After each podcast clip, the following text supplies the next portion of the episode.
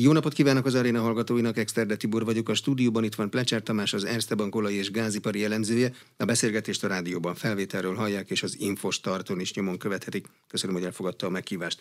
December 6-án kedden éjjel a kormány a MOL javaslatára megszüntette az üzemanyag ársapkát. Ettől helyreáll a piac? Jó napot kívánok! Én azt gondolom, hogy helyre fog állni, viszont ez kell idő, és valószínűleg ez a piac, az nem ugyanaz a piac lesz, mint ami 2021. november 15-e előtt volt. Gyakorlatilag alapjaiban megváltozott a magyar kiskereskedelmi piac. Ez az egy év, vagy bő egy év, ez nem tűnt el nyomtalanul. Mit változtatott az üzemanyag ársapka a kiskereskedelmi piacon? A MOL maradt MOL, a kereskedők maradtak kereskedők, a kínálat is megmarad, a kereslet is megmarad. Mi változik? De a legnagyobb változás mindenképpen az, hogy a piac mintegy 30%-át adó úgynevezett fehér kutak, szakmában a fehér kutakat azokat a kutakat nevezik, amelyek nem tartoznak egyetlen multilánchoz sem. Tehát ezek a fehér kutak, ezek vagy nagy része csődben van, vagy gyakorlatilag elvesztette a tőkéjét, tehát ez már önmagában egy nagyon komoly változás. Másrészt ugye a multik között is történt egy csere, a Lukoil eltűnik a magyar piacról, és helyette ugye a PK Norlán fog megjelenni majd Magyarországon. Tehát azt jelenti ez, hogy négy nagy szereplő marad a színes oldalon, a MOL, az OMV, a Shell, illetve mellettük a PK Norlán lesz majd. Ha megmaradnak ők a színes oldalon, a verseny színvonalát tudják tartani? Azért szeretjük a sok szereplőt, mert azt gondoljuk, hogy van verseny árban is. Én azt gondolom, hogy eh, ez a sok szereplős piac egyre inkább egy, inkább egy ilyen úgynevezett oligopolikus piacá alakul át. Ez azt jelenti, hogy itt néhány erős szereplő lesz, ami meghatározza az árakat, és mivel hogy a fehér kutak jelentős része ugye eltűnik a piacról valószínűleg, talán néhányan sikerül majd túlélniük ezt a versenyt, de nagy részük ugye eltűnik a piacról, vagy tőkeszegényé vált. Ez a helyzet azt jelenti, hogy kisebb verseny lesz, mint korábban. Ergo az árak valószínűleg a piaci árakhoz képest magasabbak lesznek a következő időszakban fehér utakat nem lehet pótolni? Tehát nem lesz senki, aki látja egy terület ellátatlanságát, és azt mondja, hogy ebben még mindig van piac, bízom abban, hogy ársapka még egyszer nem lesz, és vásárolok a szabad piacon?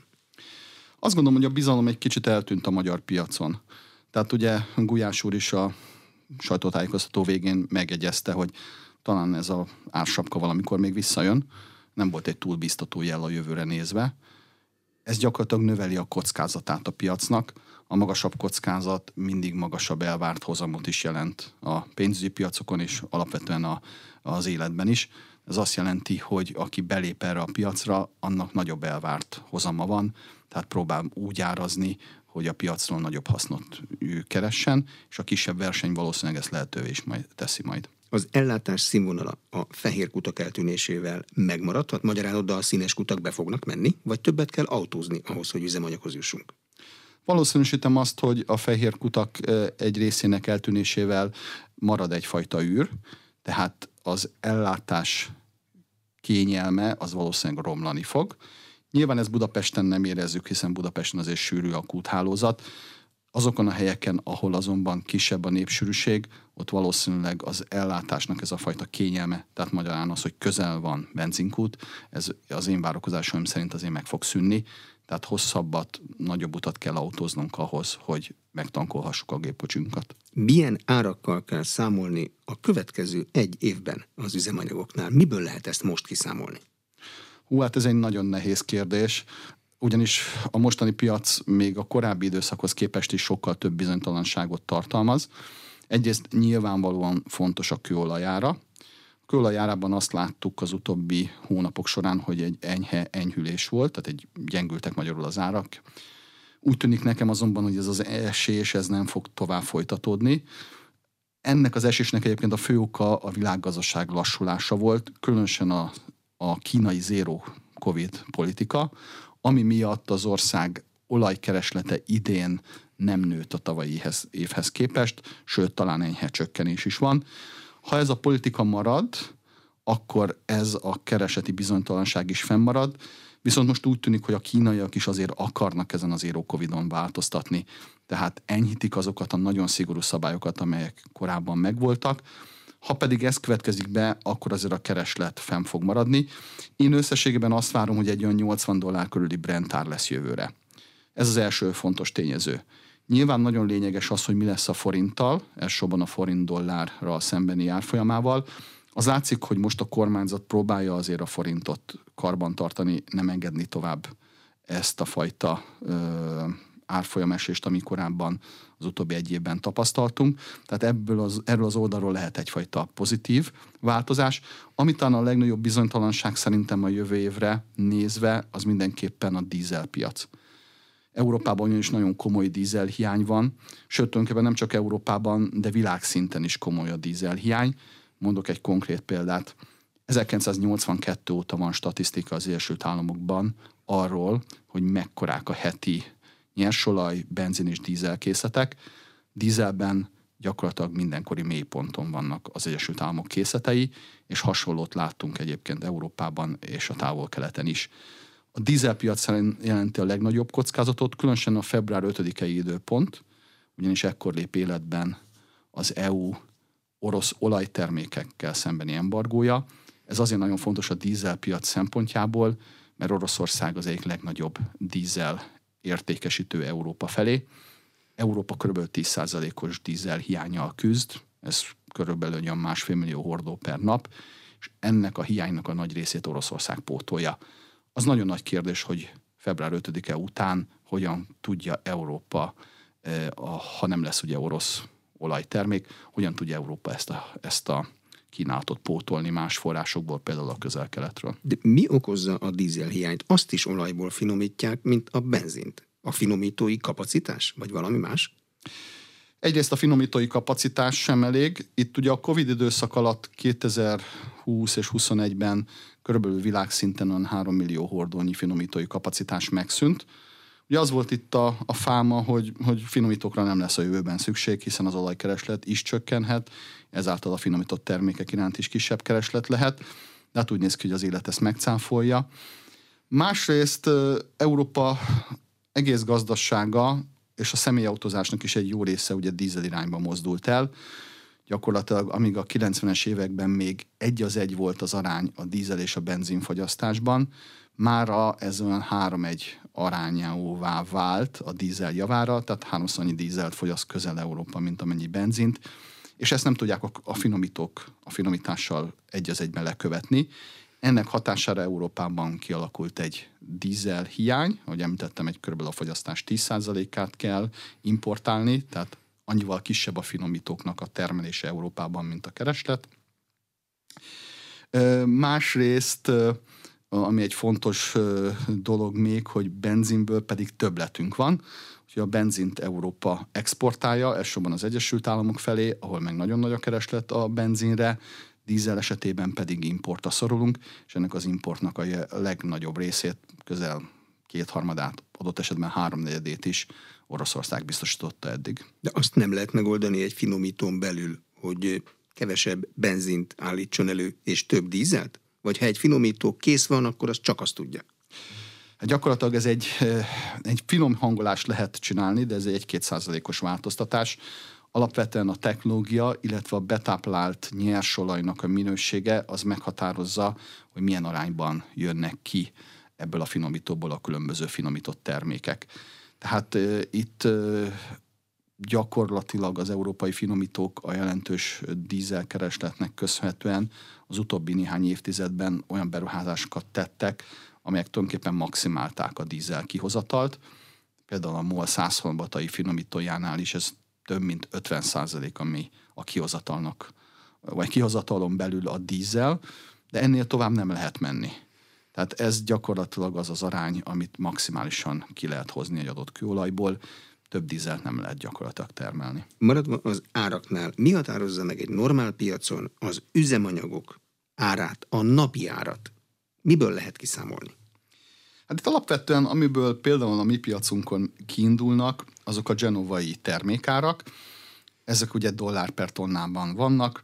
Erre rászokták a kereskedők számítani azt az árat, amennyibe kerül ennek a genovai kőolajnak a behozatala Magyarországra.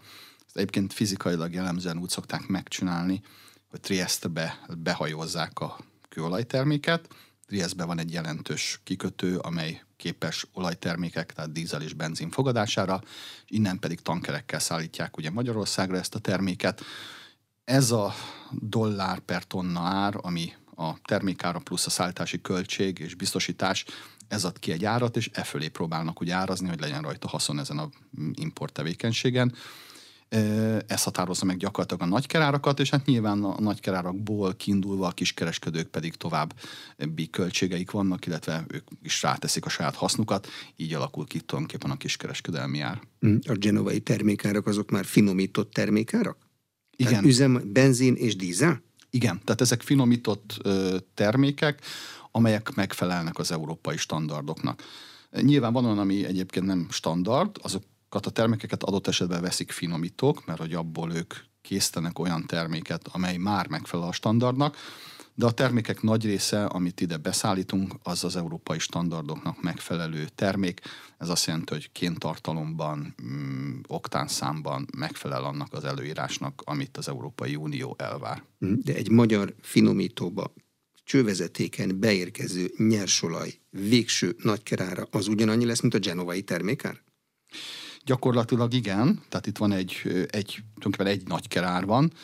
Nyilván aki be tudja a nyersolajat hozni és le tudja finomítani, az az esetek nagy többségében egy sokkal kedvezőbb költség mellett tudja azt a terméket előállítani, mint az az importőr, aki Genovából behozza a készterméket Magyarországra.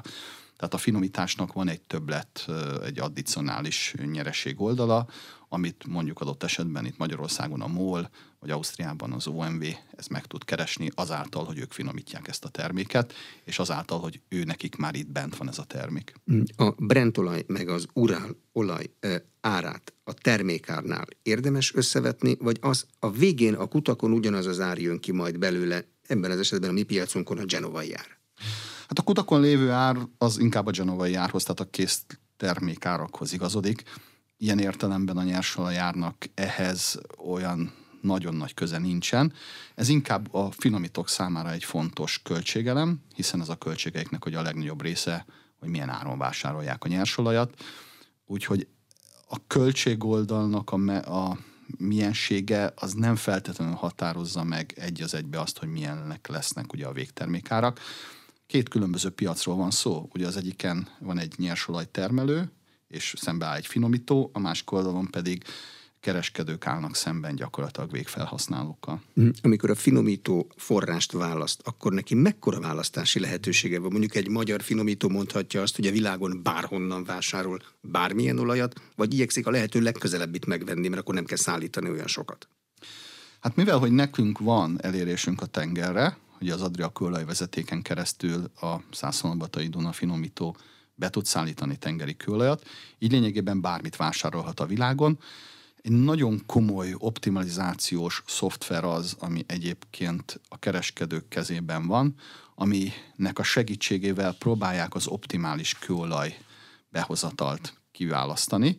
Ez egyébként nem csak azt nézi, hogy a kőolaj ára milyen, hanem azt is vizsgálja, hogy az adott kőolajból milyen arányban lehet termékeket előállítani, tehát nézi azt, hogy a termékárak milyenek, ezt veti össze a kőolaj elérhetőségével, árával, és egy, egy folyamatos optimalizáció történik kereskedelmi szinten, tehát gyakorlatilag napi vagy órai szinten, ahogy vásárolják ezek a cégek a kőolajat, úgy próbálnak optimalizálni, hogy a lehető legjobb nyersolajat, a legkedvezőbb áron vásárolják meg úgy, hogy a belőle készült termék ár és termék mennyiség az maximális árbevételt hozzon a cégnek. Folyamatos optimalizációs tevékenység folyik. A mi finomítunk a százszalombattai az rámehet a Brentre is, mert azt megtanultuk egy év alatt, hogy uraltípusú kőolajra építették annak idején.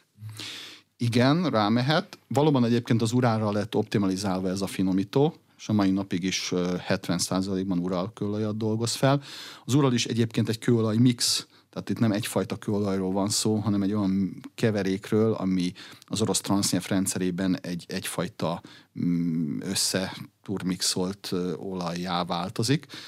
De a maradék 30% az egyébként valóban különféle egyéb olajak, köztük 10%-nyi Magyarországon megtermelt és kibányászott kőolaj, 20% pedig olyan egyéb tengeri kőolaj, amihez a MOL, ez a bizonyos optimalizációs program alapján a legjobb feltételek mellett juthat a hazai ellátás biztonság szempontjából mekkora szerepe van a Dunai finomítónak, a Svehátinak, a Slovna finomítójának, a horvátok kapacitásának? Melyiknek mekkora a szerepe? Hát nyilván a, a Duna finomítónak van a legnagyobb szerepe. A Százhalombatta. Ami Százhalombatán van, igen. Viszont a jellemzője ennek a magyar piacnak, hogy az utóbbi évtizedben olyan mértékben nőtt a kereslet, amit nem követett teljesen a százszombatai finomítónak a kapacitása. Tehát jelenleg mind dízelből, mind benzinből kevesebbet tud a százszombatai finomító termelni, mint amekkora igény van. Benzinből egy olyan 10% körüli deficit van, dízelből egy picit több, egy olyan 15% körüli deficit van jelenleg. Ez azt jelenti, hogy ennek a mértékéig be kell hoznunk más forrásból terméket ez részben az OMV Sveháti finomítójából jön, részben a pozsonyi finomítóból, részben a már említett Triesti tengeri irányból. Ez az 50, illetve 10 százalékos hiányok, ezek a teljes elméleti kapacitásból számított hiányok, mert most a Dunai az csökkentett kapacitással üzemel. Igen, ez a maximális normális névleges kapacitásra számított mennyiség. Nyilván van olyan időszak egyébként, amikor ezt a kapacitás kihasználtságot nem tudják a cégek teljesen biztosítani.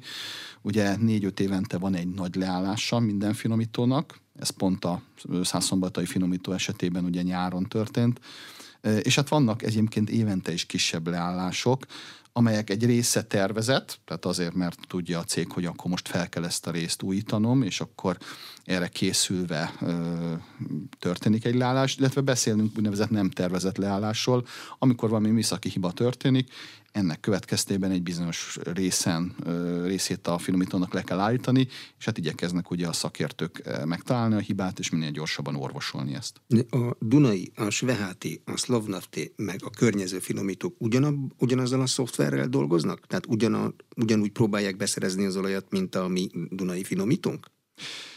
Igen, de mindenkinek azért eltérőek az adottságai, tehát hogy milyen költségekkel dolgoznak, milyen irányból tudnak beszállítani kölet, illetve maguk az egységek, ahogy össze vannak rakva, ez a maga az egész finomítói setup, ez is különböző.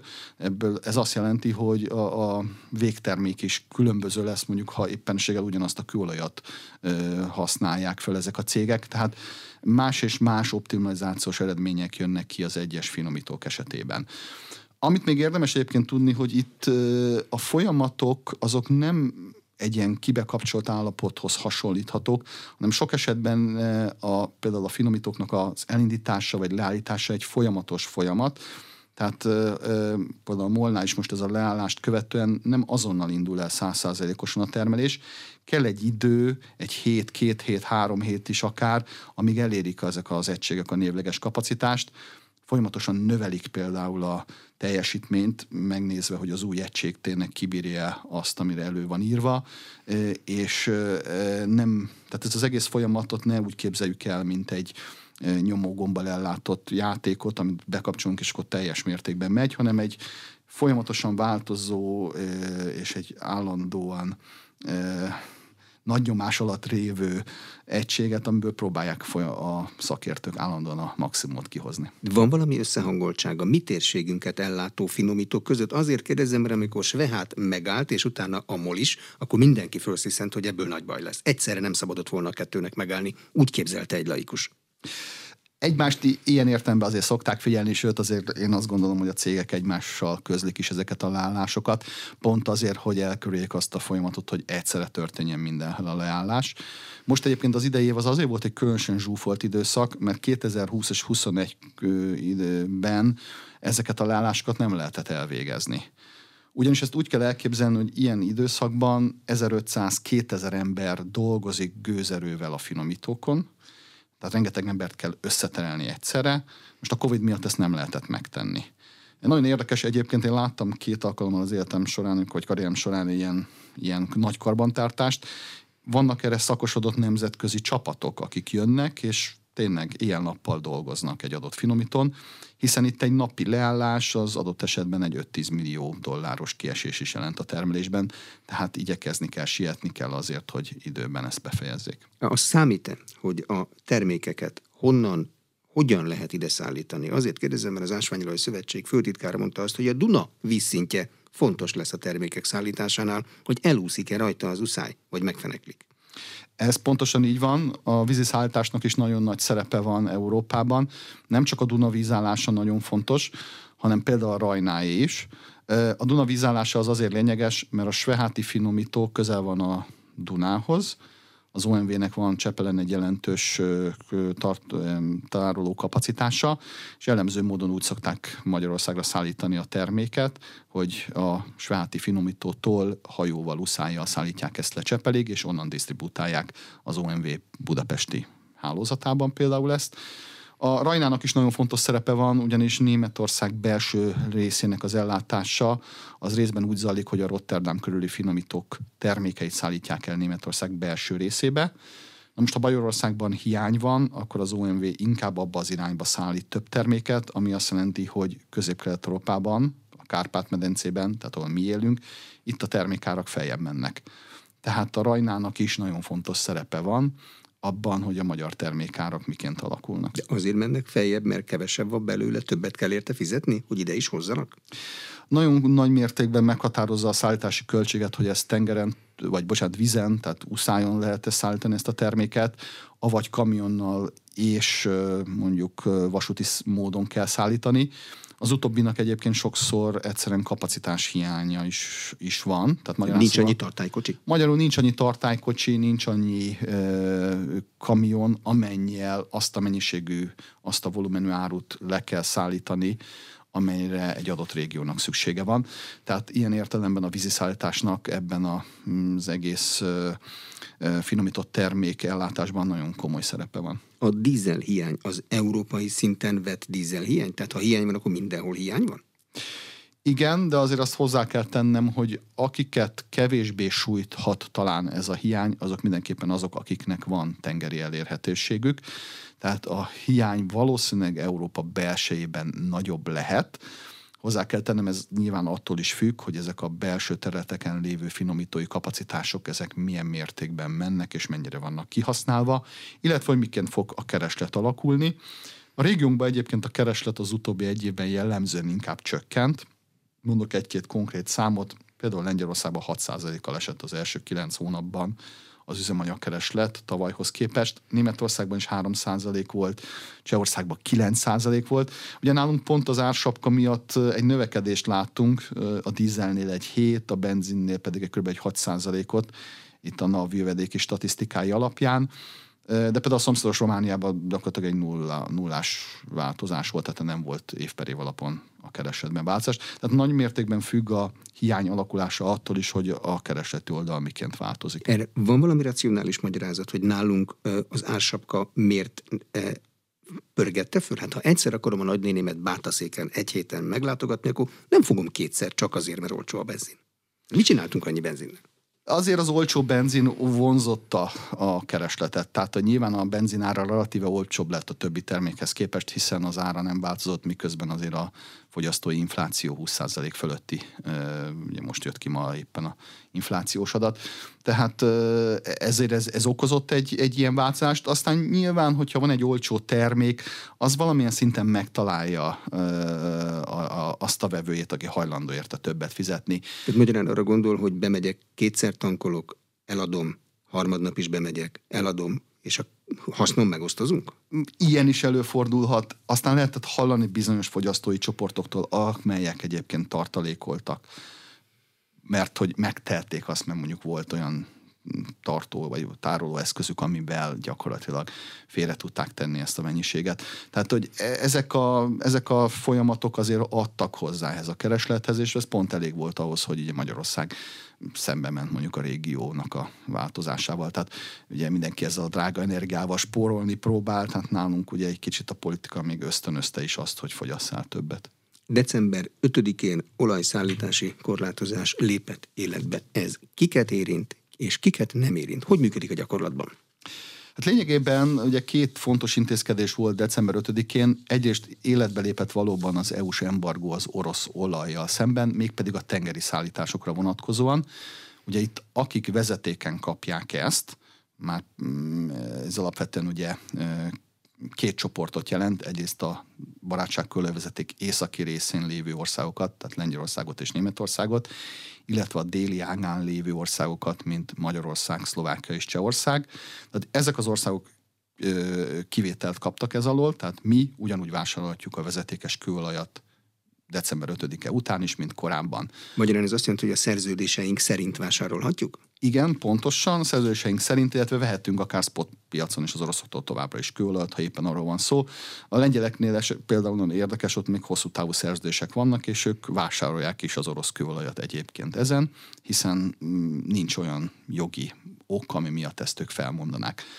A másik fontos életbe lépett intézkedés itt a G7-es országokkal és Ausztráliával közösen egy ársapka megállapodás, amit 60 dollár per hordóban állapodtak meg a felek. A lényeg az, hogy 60 dollár per hordó fölötti áron harmadik országba nem lehet orosz olajat európai pénzügyi, illetve tanker cég segítségével szállítani. Tehát magyarán szóval egy harmadik ország szeretne orosz kőolajat venni, és 60 dollár fölötti az ár, akkor az európai biztosítók például elutasíthatják a tankerhajó biztosítására vonatkozó kérelmet, illetve európai szállító cégek, görög, máltai, ciprusi cégek szintén meg kell, hogy tagadják ezt a szolgáltatást. Nehéz megkerülni, vagy könnyű megkerülni? Ez most egyébként az egyik legfontosabb kérdés az olajpiacon. Valószínűleg meg lehet kerülni, hiszen ezt mondjuk Irán és Venezuela elleni szankciók is mutatták, hogy ezteket meg lehet kerülni. Viszont olyan volumenben, ami az oroszoknak van, azért ez a megkerülés nem teljes mértékű. Ugye Oroszország naponta olyan 7,5-8 millió hordó kőolajat és kőolaj terméket exportál, és hát ekkora volumennél mondjuk megkerülni az európai biztosítási piacot, ahol a hajóbiztosítások 95%-a az az Egyesült Királyság és az Európai Unió, azért az nem egy könnyű dolog. Kivel lehet mégis megkerülni? Vannak egészen picike országok, amelyek lobogója alatt utaznak tankerek. Ezekkel lehet megkerülni? Többek között igen, ezen kívül Oroszország maga is elkezdett nagy mértékben tankerhajókat vásárolni. Döbbenetes az az, hogy ilyen 15-20 éves tankereket vettek meg. Ugye általában ezeknél a tankerhajóknál ez a 15 évet szokták mondani, hogy onnantól kezdve vagy egy nagyobb felújítást, vagy egy bontást kell tenni, hiszen ezek a tankerek már nem biztos, hogy ugyanazzal az üzembiztonsággal vannak, mint a frissebb vagy fiatalabb járművek. Tehát vettek rengeteg ilyen roncsot a piacon, és ezek a roncsokkal próbálják például a saját kőolajukat szállítani. Vannak szingapúri biztosítók, akik jelentkeztek, hogy esetleg ezt megtegyék. Maguk az oroszok is kínálnak biztosítást. Itt a gond az az az oroszoknál leginkább, hogy az európai kikötőik adják az orosz tengeri olajexport 70%-át. Ezek fönn vannak a Balti-tengernél, mint Uszluga vagy Primorsk, illetve nem vannak a Fekete-tengernél, mint Novorossziszk. Na most mindkét esetben át kell olyan helyen hajózni, ahol ezeket a hajókat általában ellenőrzik, északon ugye a Skagerákon, tehát a Dánszorosoknál, ahol ellenőrzik az európaiak, hogy ezeknek a hajóknak megfelelő a biztosításuk, na az legyen, hogy mondjuk egy tengeri baleset esetében nem tudja fedezni a biztosítás a kárt. Illetve most a törökök jelentkeztek, hogy ők is, hogyha Boszporuszon átmegy egy orosz olajjal megtöltött tanker, igenis megnézik, hogy megfelelő a biztosítása.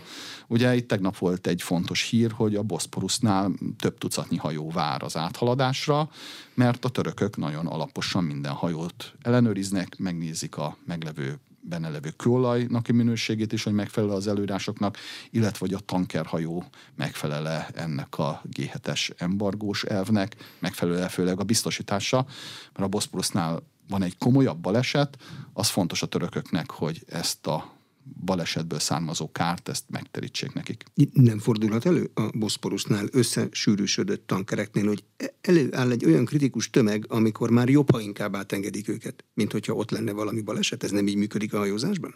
Én nem hiszem, hogy a törökök ebben nagyon sietni fognak.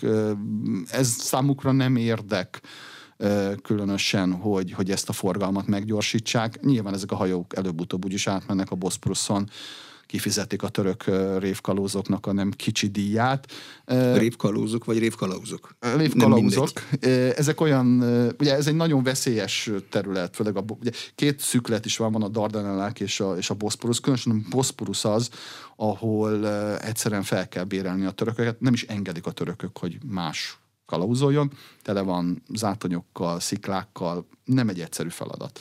Nagyon érdekes különben, aki egyszer Isztambulba jár, éjjel, éjfél és négy között engedik ezeket a hajókat. Jellemző módon például a legnagyobb tankerekből sokszor egy irányba csak egy hajót engednek egy éjjel. Érdemes megnézni, mert nagyon érdekes látványa, hogy a Boszporusz hídjai alatt áthaladnak ezek a nagy tankerek. Azt lehetett tudni, hogy ha az orosz olajjal e, teletöltött tanker átmegy, akkor ki a vevő? Ki veszi meg az olajat? g nem lehet, európai nem lehet, ki lehet? Hát azért sok mindenki lehet. Ugye a legnagyobb vevői, az új vevői az orosz olajnak, az ugye India, Kína, illetve Törökország, ez a három növelte a legnagyobb mértékben a korábbi vásárlásait. Ami érdekes az, hogy az oroszoknál a hajó méret, pont a Boszporuszon és a Skagerákon való átkelés miatt egy kisebb méretű hajó, úgynevezett Suez Max, ami olyan 500 ezer hordónyi olajat tud szállítani. Ezeket jellemzően át szokták fejteni úgynevezett VLCC-kre, ami két millió hordót tud tárolni, és ezek a VLCC-k viszik utána a kőolajat az indiai, kínai finomítók irányába. A mennyiségre lehet most becslést tenni, hogy a szabályok életbelépése után az oroszok mennyit tudnak exportálni, magyarán, hogy okoz-e nekik kárt ez az intézkedés? Ez nagyon jó a kérdés, nincs ugye statisztika erről, úgyhogy amit leginkább figyelnek, több tucatnyi cég van, aki a hajómozgásokat ö, követi, műholdak segítségével, és ezek alapján adnak becslést a különböző volumenekre. Úgyhogy ez a, a módja annak, amiből megtudjuk utólagosan, hogy körülbelül mekkora orosz olajmennyiség hagyta el az orosz kikötőket, és ez, ez az olaj mekkora mennyiségben érkezett meg a különböző célpiacok felé. Mm. Hogyha mennyiségre lehet ilyen becslést tenni, akkor az árra lehet becslést tenni? Hogy végül is mennyiért sikerült nekik eladniuk? Hát az már egy nehezebb kérdés, hiszen az általában ugye két oldalú szerződések alapján történik. Vannak ugye az urálnak Európában is irányadó árai, az többé-kevésbé egy megfelelő iránymutató ár arra nézve, hogy körülbelül az oroszok mennyire adhatták el ezt a kőolajat. Mhm. Ez a 60-hoz képest, meg a Brent árához képest valahol a kettő között van? Hát ugye most az utóbbi egy évben nagy mértékben leesett az urálára, pont a nehéz, vagy sokkal nehezebb értkestési feltételek miatt. Most egyébként tegnap, illetve ma reggel ilyen 55-56 dollár körül volt ez az urál, tehát alatta volt ennek a 60 dolláros küszöbnek. Tehát akár még vásárolni is lehetett volna belőle. Akár még vásárolni lehetett is volna belőle. Azt lehet látni, hogy tulajdonképpen egyelőre ennek az ársapkának jelentős befolyása nincs a kereskedésre. Hozzá kell tennem egyébként még két dolgot. Az egyik az, hogy az Európai Unió 90 naponta felül fogja vizsgálni ezt az ársapkát, és itt ugye van egy erős nyomás, főleg Lengyelország, Ukrajna részéről, hogy alacsonyabb szintre vegyük ezt a sapkát. Másrészt ugye nem csak urált árulnak az oroszok, a távol-keleten árulnak például szokol típusú kőolajat, ami egy jobb minőség, mint az urál, ez a Szahalin szigetéről, meg annak a környékéről bányászott kőolaj, az jellemzően egyébként az ársapka előtt ilyen 70 dollár fölötti szinten volt. Annak a kereskedésére lehet, hogy hat ez az egész ársapka. Egyelőre nem láttam még hírt azzal kapcsolatban, hogy az oroszok hajlandóak volnának-e ezt a szokolt például az ársapka alatt, vagy az ársapkának megfelelő áron kínálni. Azok a vevők, akik kívül esnek az Európai Unión, meg a G7-es országokon, azok egyébként figyelnek arra, hogy mi az ársapkával mit, mit akarunk elérni, vagy ők külön üzletelnek az oroszokkal? Vagy örülnek az ársapkának, mert lejjebb nyomja az árat? Ők külön üzletelnek az oroszokkal, de nyilván örülnek egyébként az ársapkának. Tehát én azt látom, hogy ennek az ársapka ötletnek valószínűleg inkább kettős célja van. Egyrészt azt, hogy az oroszok árbevételét ároldalról korlátozzuk. Másrészt, hogyha akadályokat teszünk az oroszok elé, akkor a korábbi volumen nem tudják az oroszok eladni. Tehát ez a 7,5-8 millió hordó helyett itt a becslések szerint akár egy másfél millió hordóval is csökkenhet az orosz olajexport. Tehát ha elérünk egy 10%-os árcsökkenést, egy 10%-os volumen csökkenést, az ugye önmagában már 20%-os árbevétel csökkenés jelent Oroszországnak, ami ebbe a mostani kiélezett háborús helyzetben egy nagyon mély vágása az orosz költségvetésnek. Ugye az orosz költségvetés augusztusban már egyensúlyban volt, és hát ugye szeptemberben jött az igazán nagy költségelem a, a tömeges besorozás, tehát az orosz költségvetés nagy valószínűséggel az év vége fele nagyon komoly deficitbe kezd váltani, ami előbb-utóbb azért az ő képességeiket erre a háborúra nagy mértékben korlátozza. December 5 után a következő dátum az a február 5. Február 5-én mire kell készülniük az oroszoknak, meg mire nekünk? Így van, február 5-től lép életbe az orosz olajtermékekre vonatkozó embargó. Innentől kezdve európai finomítók, dízelt, fűtőolajat, félkész termékeket, például vákumgázolajat nem vásárolhatnak Oroszországtól. Ugye, ahogy említettem már, a dízel hiánynak a kétharmada, háromnegyede az ezekből a termékekből lett fedezve, akár úgy, hogy direktbe ugye dízelt kaptunk, és vagy vásároltunk Oroszországtól, akár olyan félkész termékeket, mint az említett vákumgázolaj, amelyből európai finomítók tudtak európai minőségű dízelt előállítani. Na most nagy kérdés, hogy honnan lesz pótlás. Ami talán szerencsés Európának az az, hogy most több olyan közelkeleti projekt is befejezésre kerül 2022-23-ban, amelyeket 2020-21-ben a Covid miatt elhalasztottak. Például a Szaudarábiában a Gizán, Kuwaitban a Ruwais, eh, illetve az Egyesült Arab Emirátusokban is van egy komoly fejlesztés, azt hiszem az Alzur, vagy aztán a Kuwait, mindegy. Szóval három komoly fejlesztés van a közel-keleten, amely valószínűleg 2023 második felében el fogja tudni már Európát látni olyan mennyiségű dízellel, ami elég lesz. Valószínűleg a 2023-as év első fél éve lesz szerintem komoly nehézség, és nehézség lesz nekünk is Közép-Kelet-Európában, részben a külön alkú miatt, amelyet Magyarország, Szlovákia és Csehország kötött az Európai Unióval. Az a lényege a külön alkunak, hogy ugye orosz kőolajat továbbra is vehetünk, viszont az ebből finomított terméket az adott országok csak a saját nemzeti piacaikon belül adhatják el. Na most a százszombatai finomítónál ez nem gond, hiszen Magyarország ugye deficites, ahogy már említettem, viszont ott van a pozsonyi finomító, ami ugyancsak ugye a MOL csoport része. A pozsonyi finomító termékeinek kétharmadát a cseh, magyar, osztrák, illetve a délengyel piacon adja el.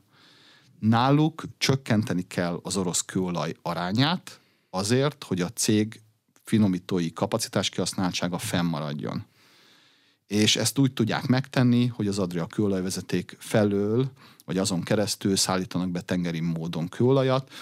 Kaptak a külön alkun belül is egy kivételt egyébként a szlovákok, ez jövő év december 5-ig szól, hogy a csepiacot, annak is a dízel igényét 30% elég elláthatják.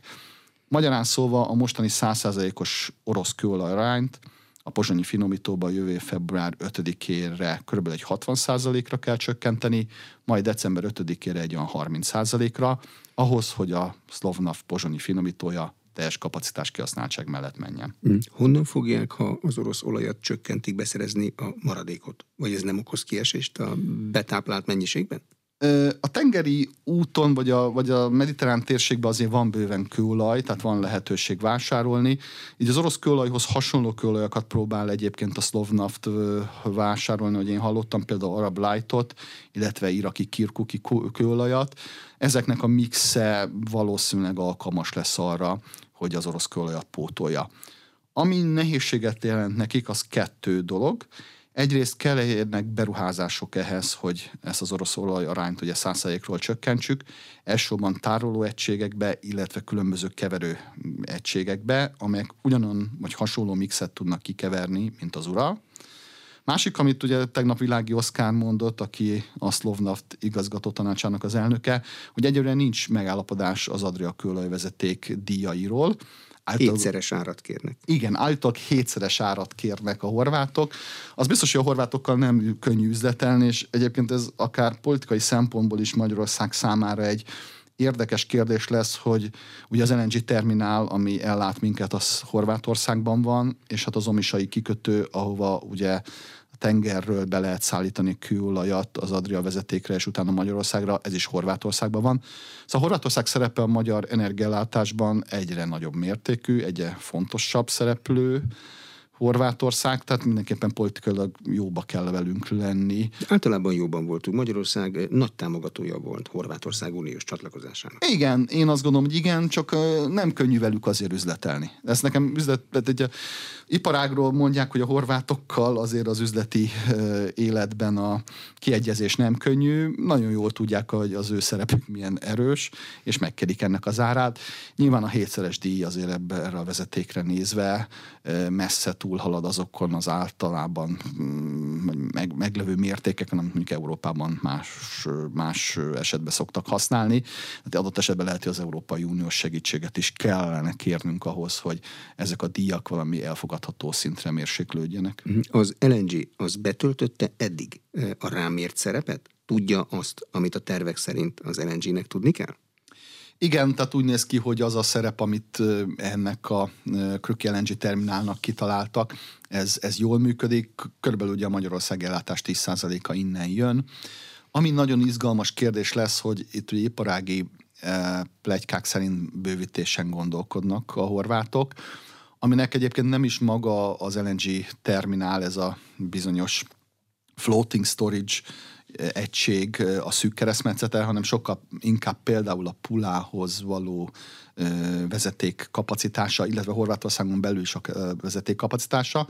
Szóval ami kérdéses lesz, hogy ezt a bővítést, ezt ki fogja végezni, és milyen irányba fog többlet gáz jönni.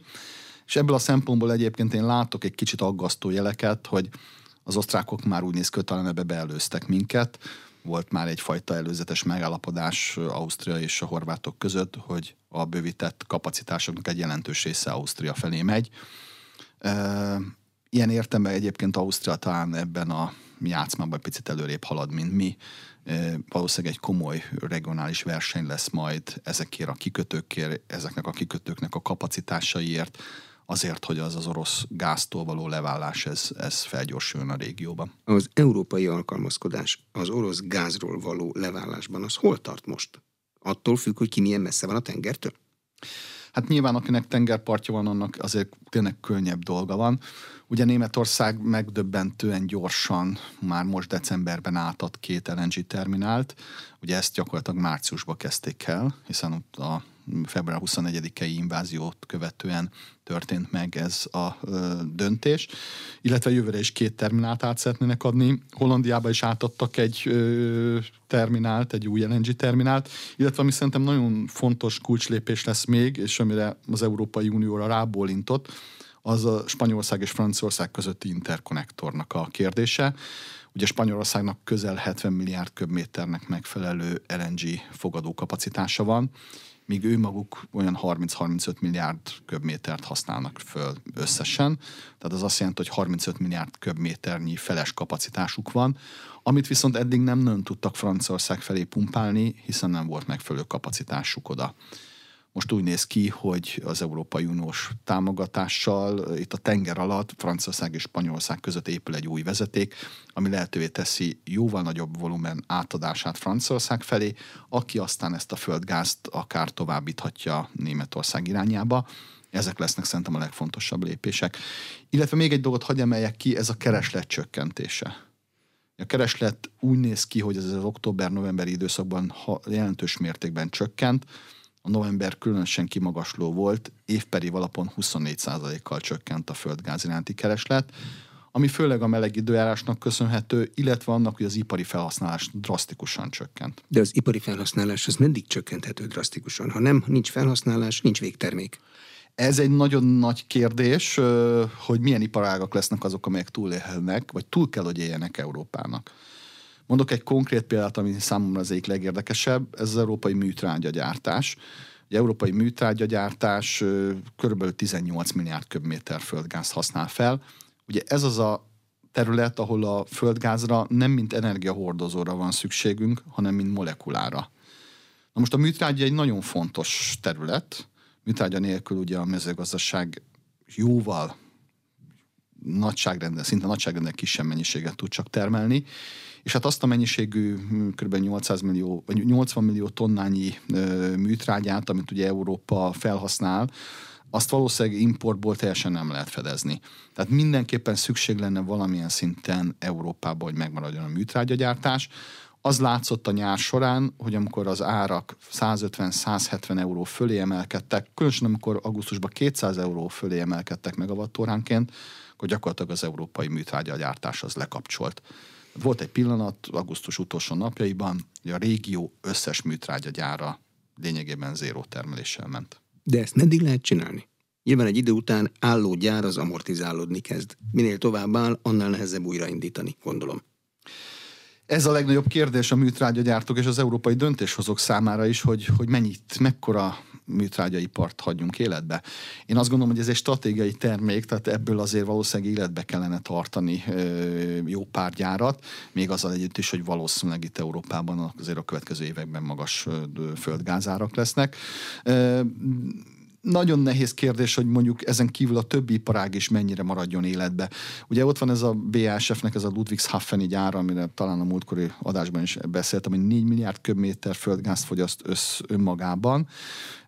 Vevőkön és beszállítókon keresztül közel két-háromszáz embernek ad ez munkát de beszélhetnénk a cink kohóktól kezdve az alumínium kohókon át az üveggyárakig, ugye ezek mind nagy energiafogyasztók, és alapvetően mind földgázra vannak beállítva. Valószínűleg ezeknek az iparágoknak egy része el fogja hagyni Európát. Mekkora mértékű, ez nagyon nagy kérdés. És De nagyon... a, a dolgozók nem fogják elhagyni Európát. Azok munkanélküliek lesznek. Hát azok munkanélküliek lesznek, nyilván nekik kell valami megoldást találni nehéz kérdés, hiszen az látszik, hogy Európa ha nem indul el egy ilyen nagyobb hozzáadott értékű termelési irányba, akkor ezekkel az iparágokkal nem fog tudni mit kezdeni.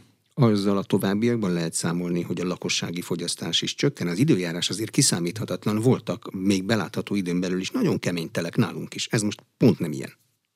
Én azt hiszem, hogy igen, ugyanis a magasabb árak egyszerűen arra ösztönzik rövid távon is a lakosságot, hogy spóroljanak ezzel a földgázzal. Ugye a legegyszerűbb módja ennek az, hogyha a termosztátot visszavesszük. Hidegebb van otthon. Hidegebb van otthon, tehát hogyha mondjuk 22 fok helyett 18 fok van, az mondjuk egy normál téli időszakban 20-25 százalékos földgáz fogyasztás csökkentést okozhat. Emellett hát nyilván ez a magas energiár, ez nagyon komoly adaptációra szorítja rá az európai döntéshozókat és fogyasztókat egyaránt.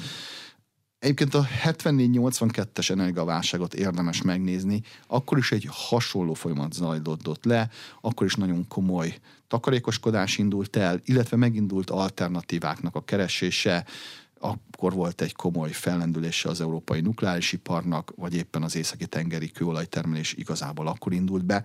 Tehát jellemző azért erre a nyugati világra, hogy a megváltozott körülményekhez gyorsan tud adaptálódni, és gyorsan tud erre reagálni. Köszönöm szépen az elmúlt egy órában. Plecser Tamás, az Erste Bankolai és Gázipari jellemzője volt az Inforádió arénájának vendége. A műsor elkészítésében Király István Dániel felelős szerkesztő és Módos Márton főszerkesztő vett részt. Köszönöm a figyelmet, Exterde Tibor vagyok.